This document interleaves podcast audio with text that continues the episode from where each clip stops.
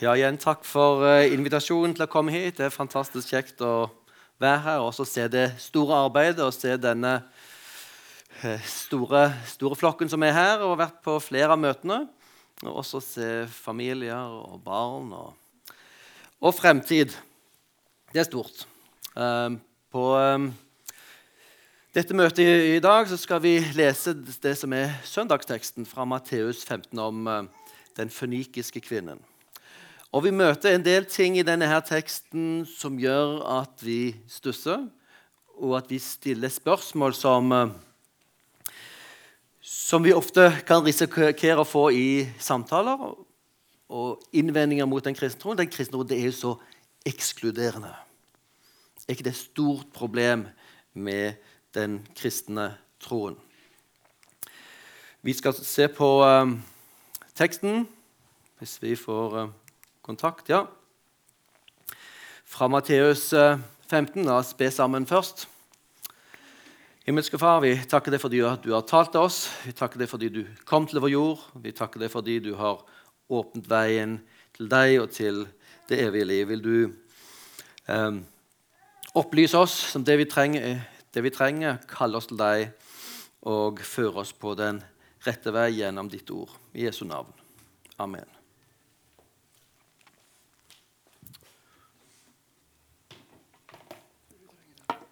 Å, en ørliten detalj. Ja, jeg fulgte i hvert fall godt med her. Er vi med nå? Er den kristne tro ekskluderende? Skal vi se. Litt sånn, og så starter vi. Ja, her er vi. Er kristen tro ekskluderende? Og så leser vi eh, teksten fra Matteus sammen, fra vers 21 til 28. Så dro Jesus derfra og tok veien til områdene rundt Tyros og Sidon. En kananesk kvinne fra disse traktene kom og ropte, 'Herre, du Davids sønn, ha barmhjertighet meg. Datteren min blir hardt plaget av en ond ånd.' Men han svarte henne ikke et ord. Disiplene kom da og ba han, 'Bli ferdig med henne. Hun roper etter oss.' Men han svarte, 'Jeg er ikke sendt til andre enn de bortkomne sauene i Israels hus.' Da kom hun og kastet seg ned for ham og sa, 'Herre, hjelp meg!' Han svarte, 'Det er ikke rett å ta brødet fra barna og gi det til hundene.' Det er sant, herre, sa kvinnen, men hundene spiser jo smulene som faller fra bordet hos eierne deres. Da sa Jesus til henne, 'Kvinne, din tro er stor.' 'Det skal bli som du vil.'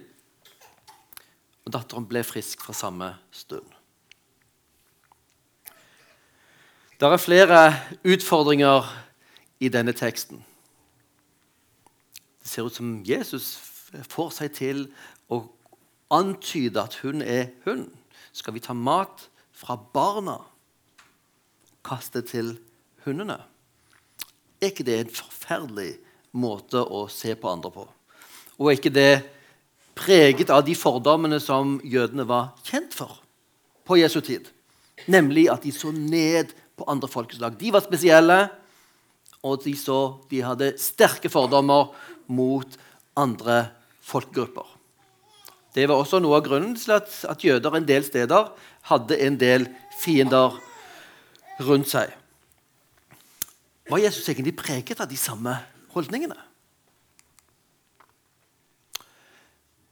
Og ser vi ikke her den, den dynamikken som ligger under dette her?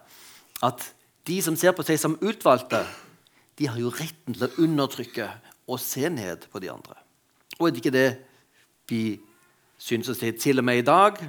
Hvor de folkegruppene som ser på seg som spesielle, de rettferdiggjør både vold og undertrykkelse.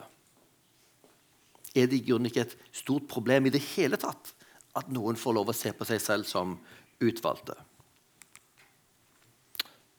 Og er ikke kristen tro bunn og grunn akkurat slik ekskluderende? De kristne som har sannheten. Det er vi som blir frelst, og de andre ja, de blir i hvert fall ikke frelst. Det synes jeg kunne ligge under denne her teksten.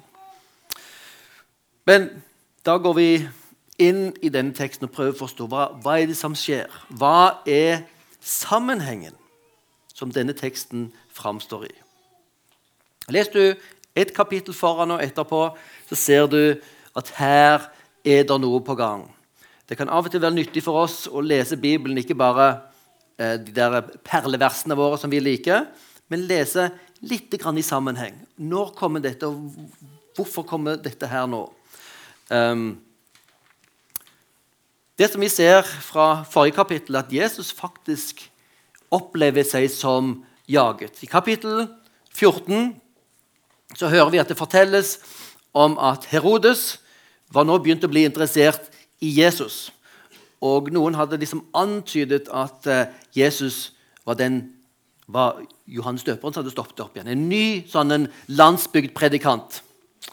Og du vet jo, Herodes hadde jo hogget hodet av den store profeten Johannes, døperen Johannes. Og nå begynner, begynner kongens blikk å fange opp det som skjer rundt Jesus. Og um, de som vet hvordan disse kongene oppførte seg, så visste de at dette var risikabelt. Han hadde jo til og med ikke ofret døperen Johannes liksom av en sånn politisk nødvendighet, men rett og slett fordi han var full på en fest og hadde lovet sin eh, stedatter hva som helst. Og hun ønsket Johannes døperens hode på et fad fordi han hadde kritisert ekteskapet til eh, Herodes. Så det var bare et dumt slags veddemål som gjorde at han tok hodet av Israels profet. Guds stemme hadde endelig kommet tilbake til Israel etter 400 år med taushet. Og bare ved et sånn kynisk spill så ble hans liv brutalt stoppet. Og Nå begynte lyskasteren fra Herodes å se etter Jesus. Han var litt interessert. Hvem, hvem er denne her nye predikanten? Og det er ikke akkurat slik at Jesus satt høyt på ønskelisten å komme til Herodes. Disse Herodesene var ganske skumle folk, som vi har hørt om tidligere. Herodes den store og barnene i Betlehem. Det er jo ikke bare Jesu fiender og de skumle politiske lederne som er etter han, men du ser hvor enn Jesus beveger seg her nå. Når vi kom til kapittel 14, så begynner ryktene om hans å gå, og det går foran han, så Hvor enn han beveger seg, så er det store folkemasser. Og Det er folk som han skal helbrede og hjelpe, skal han undervise. Og så ser vi Jesus prøve å stikke av gårde noen ganger. Sant? Han må av gårde for å be. Han trenger stillhet. Det er for travelt. Og Noen ganger så prøver han å finne et stille sted, men så kommer folk likevel. Og så ser du Jesus ynkes eh, av folket. For de var som en flokk med sauer uten hyrde. Og så for, forkynner han for dem, så metter han dem. Så han eh, betjener folkemassene som nesten ser ut til å jage han. Han er populær.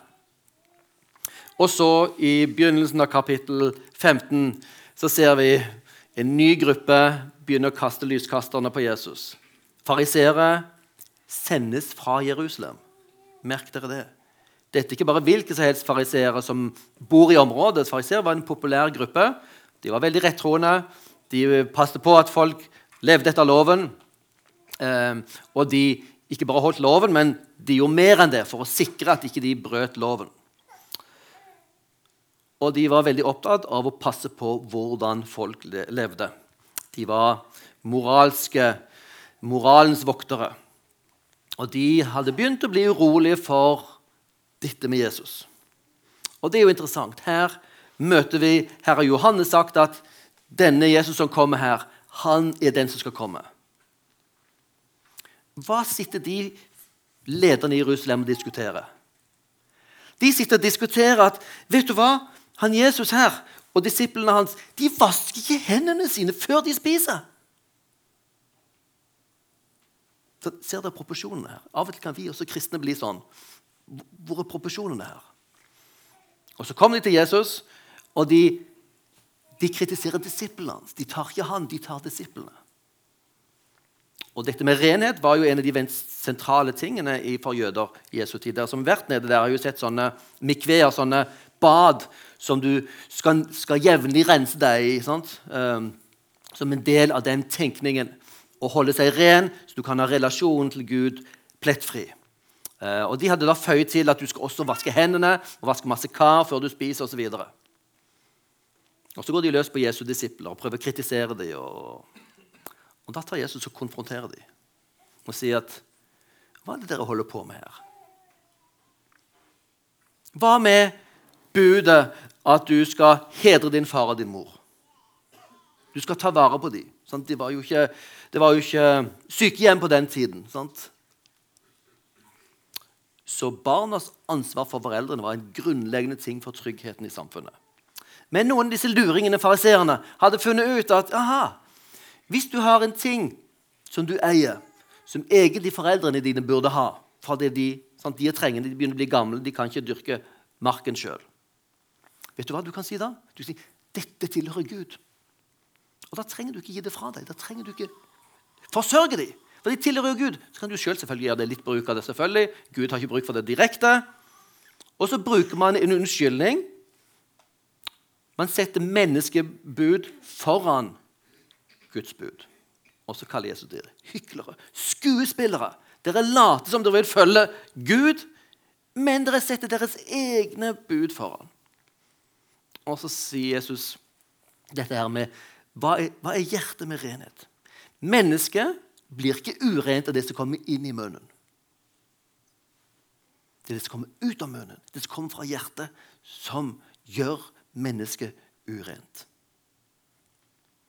Og der fornærmet han fariseerne. Den viktigste religiøse gruppen i, på Jesu tid. Og Disiplene fortalte Jesus etterpå vet du hva? De ble skikkelig sure. Eh, men Jesus han hadde et argument. Han hadde sagt hva som var sant. Og han hadde tatt dem på deres forsøk på å knekke frimodigheten og på å sette sine bud og sin kultur over Bibelen. Men nå begynte altså den religiøse ledelsen å følge etter Jesus og prøve å kritisere han og sette han på plass. Og vi vet at dette eskalerte til det blir, blir en ordentlig konflikt. Så dette var begynnelsen til at disse ønsket Jesus vekk. De ble kalt hyklere av den nye profeten. Under dette presset så er det ikke så rart at vi leser i begynnelsen av vår tekst så dro Jesus derfra.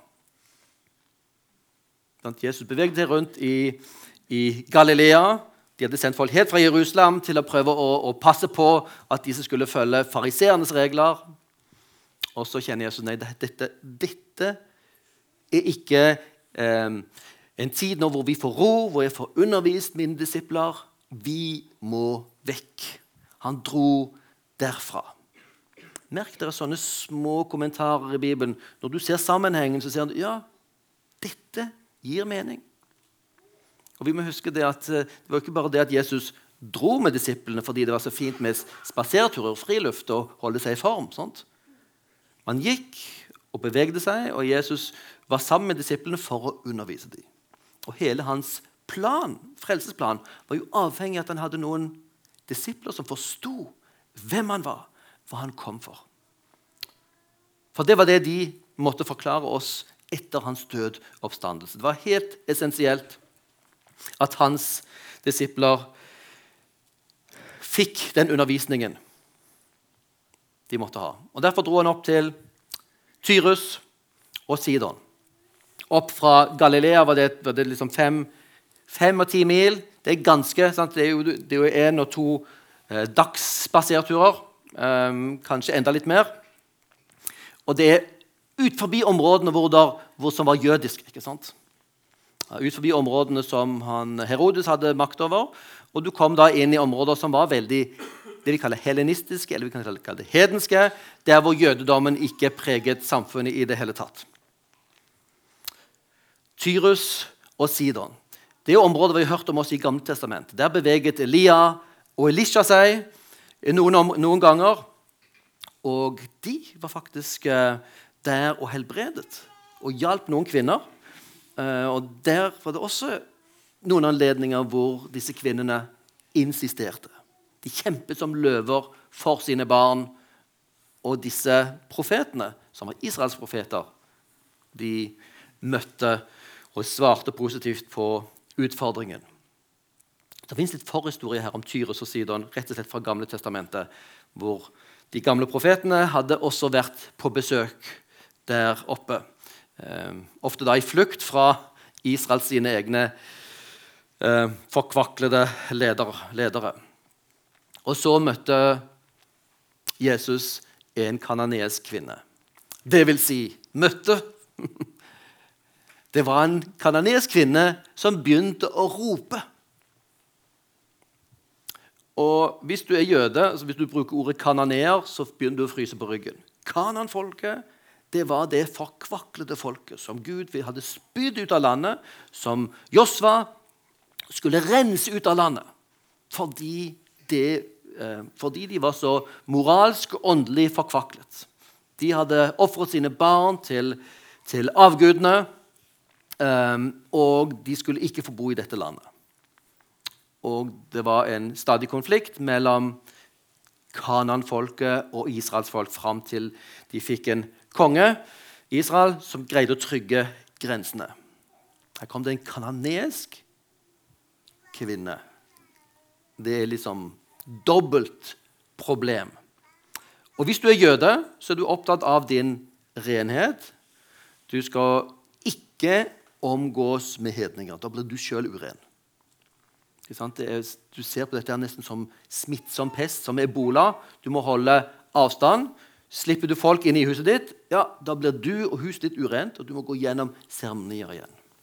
Her har du både en kananer og en kananesk kvinne.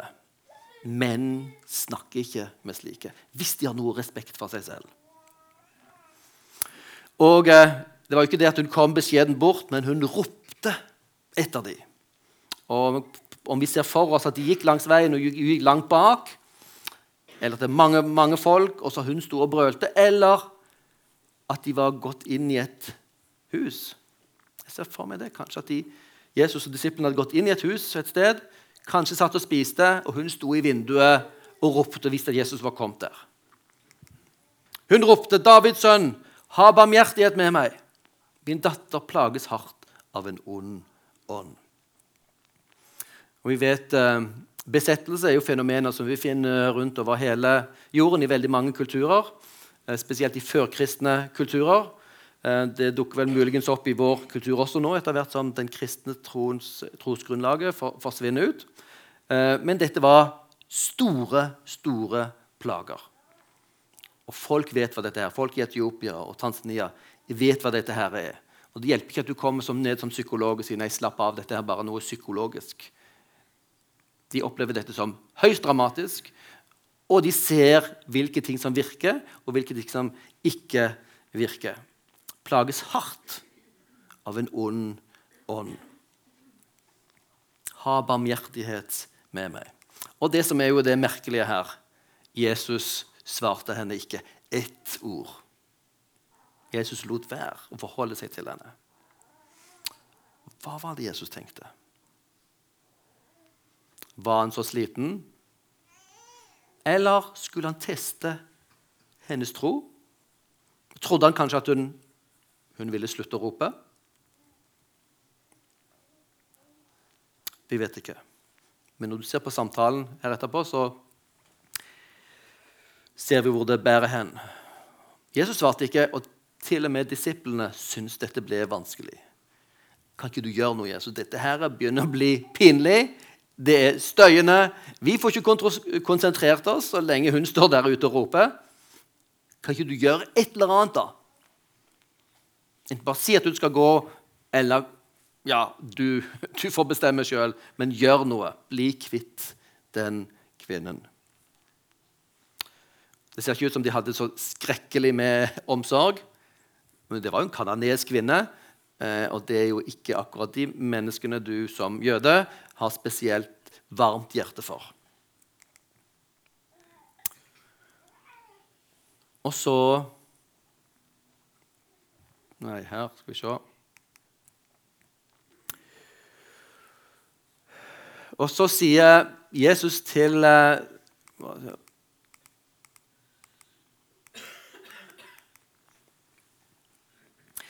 Så sier Jesus til eh, disiplene sine Disiplene spør Jesus kan ikke du gjøre noe. Så sier disiplene, det sier Jesus til disiplene. Men er ikke det som er kommet for å redde de bortkomne for av Israels folk? Er det ikke det vi holder på med her? At dere tolv apostler er valgt ut av dette folket for å bære dette videre? For å, å, å være med og, bringe inn Guds rike? Er det ikke gjenopprettelsen av Israel vi holder på med her? Svarer han disiplene. Og da mm, Da når han, når, På et eller annet vis, når hun, hun, hører det Er det ikke for Israel jeg er kommet, så kommer hun og kaster seg ned for hans føtter. Det, det, høres jo rørende ut, men er du en jøde, så dette enda mer pinlig. Sant? Ikke bare står hun i vinduet og roper. Hun slapp inn i huset og kastet seg ned her. Sånn ønsker ikke du å bli sett på gaten. Hvis du står, hvis står i sentrum av Ålesund eller Kristiansand, og så har du en, en rusmisbruker som kaster seg ned fra føttene dine og roper om hjelp Det er ikke det tøffeste. Sant? Du ønsker ikke å bli sett slik i en sånn sammenheng. Og da sier Jesus til henne Og nå omskriver vi litt denne samtalen, så det skal gi mer mening. For hun hadde ropt 'Davids sønn'. Kaller du meg, kanonesk kvinne, Davids sønn? Anerkjenner du som kanoner, altså Israels unike rolle? Er du her en hedning som faktisk ser at ok, Gud har hatt en plan med dette folket? Tror du kanskje noe på Israels Gud, og kanskje du har hørt noe også om selvfølgelig hørt om Israel som, bor, som er et naboland, om Israels folk. Selv om mange folk av naboene til jødene var ganske fiendtlig innstilt. Det var gjensidig fiendskap. Men hun tryglet om hjelp. Kanskje han jøden her kan hjelpe. Hvis du sier 'Jeg er Davids sønn', ja, da sier du at 'jeg er konge for Israels folk'. Sånt? Kong David, kongen over Israel. Og som Jesaja, nei, Jesekia 34 sier Den nye Davids sønn skal komme. Han skal være hyrde for Israel.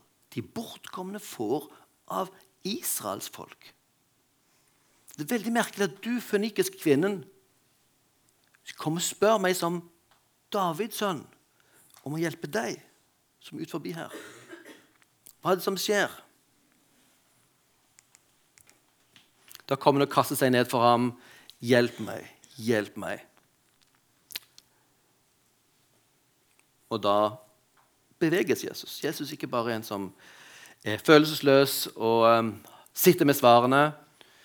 Men Jesus lar seg påvirke. Det kan også være en oppfordring til oss til kjempebønn. Ikke gi deg. Gud lar seg påvirke.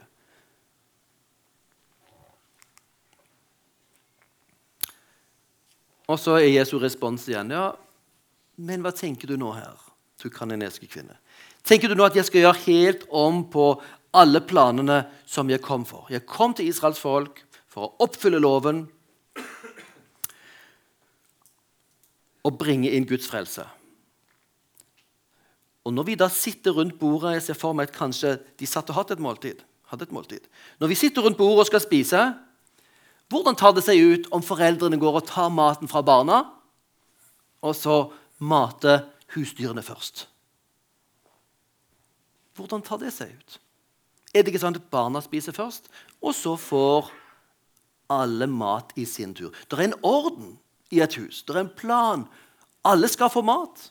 Alle som hører til hans hus, hører til der og skal få mat i sin tid. I Guds plan er det nemlig en rekkefølge.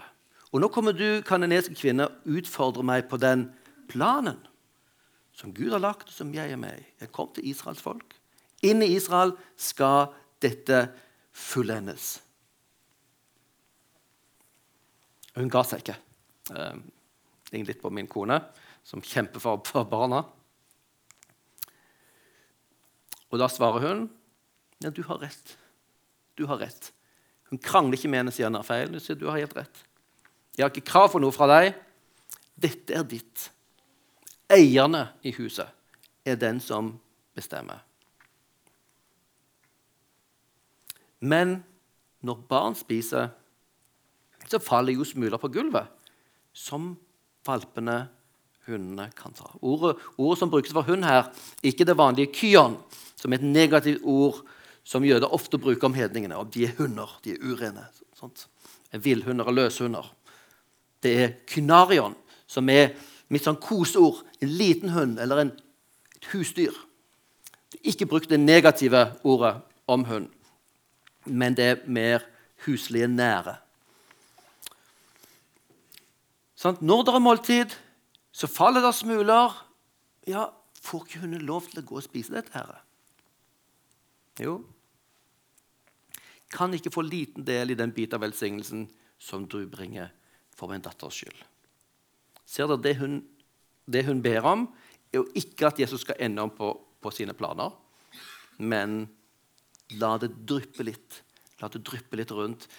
Jeg tror du bringer velsignelsen, og min datter trenger dette. Din tro er stor. Du skal få det du ber om. Og dette er jo interessant i denne her sammenhengen, sant? hvor de politiske lederne synes de er på jakt etter Jesus og har ikke spesielt ønske om å høre på ham. De religiøse lederne begynner å kritisere og sette ham under press og kommer etter hvert til å kvitte seg med Jesus. Folket er foreløpig begeistret for Jesus. Disiplene tror på Jesus, men de har ikke forstått så mye av ham. Og så her har du en hedensk kanadisk kvinne som har en så sterk tro. Ehm, står som en sterk kontrast til hvordan Jesus ble møtt av sine egne. La oss da stille spørsmålet er kristen tro ekskluderende. For kristen tro jo at bare de har rett, kristen tror at bare kristne blir frelst. Kristen tro er ekskluderende og ukjærlig. Denne tanken om vi Israels folk og dere noen andre, er jo i bunn og grunn et stort problem.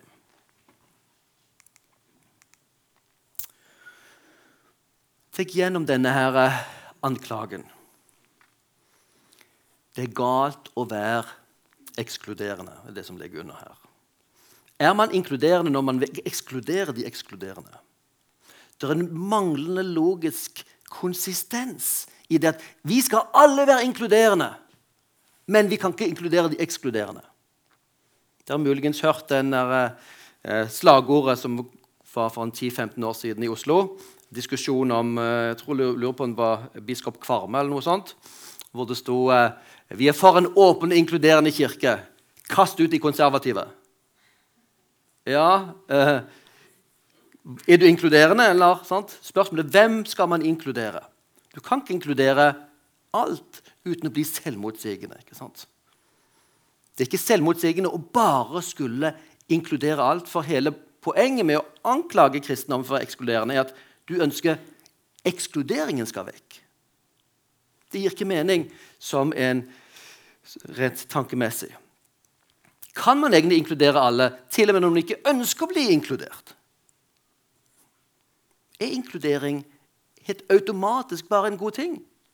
Hva med de som ikke ønsker å bli omfavnet av deg, og som absolutt ikke ser på det du tror på, som sant? Inkludering er ikke automatisk en god ting. Og Det fungerer jo ofte sånn som å innpasse seg i det politisk korrekte i vår tid. Sant? Slutt å si hva du egentlig mener. Nå skal vi være inkluderende, og vi skal være, ta vare på hverandre, men du skal bare mene det vi sier. Sant? Så inkluderingen inviterer ofte til spill og hykleri og dobbelt mening. Det er også når man ikke faktisk får sett at det er viktige forskjeller. Og er det ikke slik at sannhet er ekskluderende? er det ikke veldig ekskluderende å tro på tyngdekraften. Sånn, er du så sikker på dette? her? Hva med de som ikke tror på tyngdekraften? Tror du de er dumme, eller? Ja, kanskje ikke det vi trekker mest i tvil, men tror du på atomteorien? Nemlig at eh, de minste partiklene er bygd opp av atomer med kjerner og elektroner rundt. Noen har studert dette og tror sikkert på dette. her. Det er veldig ekskluderende. Vet ikke det? De tror at de har sannheten. Sannhet er ekskluderende. Å tro at holocaust har skjedd, det er jo ekskluderende fordi du hevder noe er sant. Sannhet er i sitt vesen ekskluderende. For det motsatte kan ikke være sant samtidig. Og dette med å være inkluderende Er ikke det noe som ofte overser det grunnleggende elementet? Vi, vi trenger et oppgjør med det onde.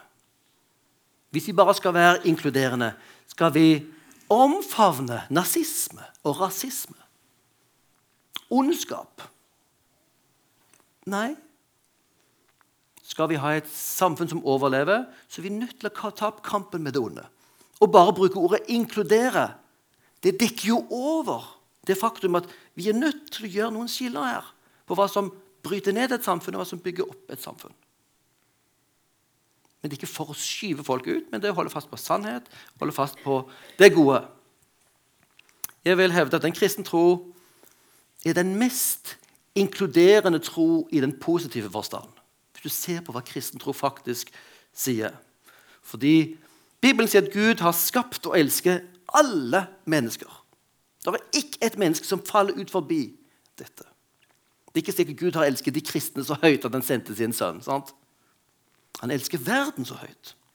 Og verden er ikke bare de søte barna som smiler, den vakre naturen, de søte øynene til hvalen og, og de små selungene. Gud elsker naturen. Når det står Gud elsker verden Verden i den sammenhengen er de fiendtlige kreftene som brakte Jesus til korset. Gud elsker disse menneskene som brakte han til korset. Han elsker sine fiender. Det er veldig sterkt. Det er en kjærlighet som elsker alle. Men hvordan kan man inkludere de som vil drepe deg? Sånt. Gud vil at alle mennesker skal bli frelst og lære sannheten å kjenne, sier Paulus.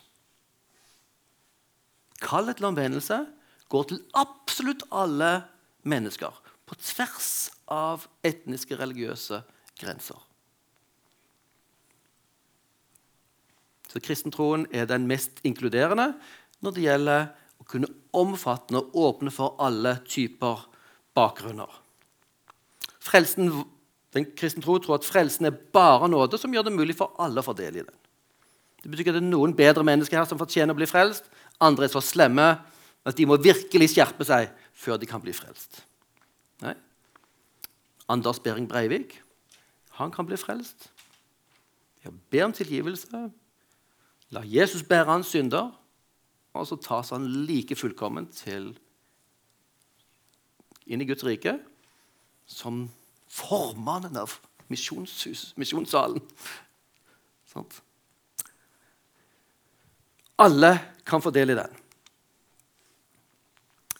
Når det er snakk om fortapelsen, så er fortapelsens dypeste virkelighet ikke at Gud ønsker å ek ekskludere noen. Men fortapelsens dypeste virkelighet er mennesker som selv ekskluderer Gud. For hvordan skal Gud inkludere folk som vil ha Gud vekk. For det er mennesker som vil ha Gud vekk. Dessverre er det sant om veldig mange av oss. Og noen av oss kjenner jo denne frykten for Gud som skal ta over livet vårt osv.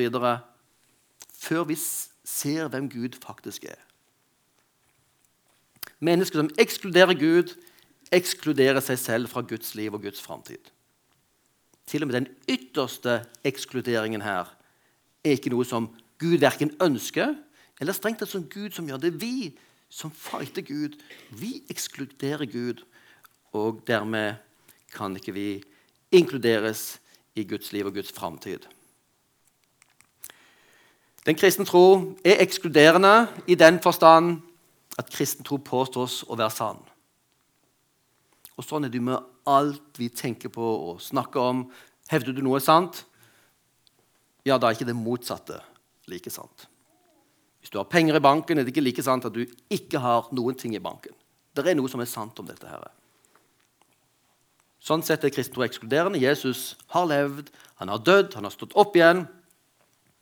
Det er sant. Det motsatte er ikke sant. Som muslimene sier at Jesus døde jo ikke på korset. Som ateistene sier at Jesus sto ikke opp igjen. Det kan ikke være sant. Nei, det kunne vært sant. Vi skal selvfølgelig undersøke det. Men alt kan ikke være like sant samtidig. Den er inkluderende på den måten at alle mennesker er inkludert i kallet. Kom og tro. Gud kom til oss for å invitere alle inn. Og når det er snakk om utvelgelsen av Abraham, av Israel og Jesus Du er min utvalgte. Så er dette den ene som velges ut, som har hele verden som sitt endelige mål. Når Abraham ble valgt ut, så var det for at velsignelsen skulle gå gjennom han til alle folkeslag. Israel ble valgt ut, så var det ikke for dette var mitt spesielle folk. Det er liksom top, top guys. Det sies veldig tydelig dere er ikke de største. Dere var de ynkeligste. ikke sant? Dere lå der som et sprellende barn i søla i Egypt. Jeg valgte dere fordi dere var små, og dere skal vise, dere skal vise min herlighet til alle jordens folk. Så utvelgelsen er ikke ekskluderende, men Gud bruker enkeltpersoner, Gud bruker et folk, for å bringe sin frelse ut til alle. Kristen tro har også et kall til et hellig liv.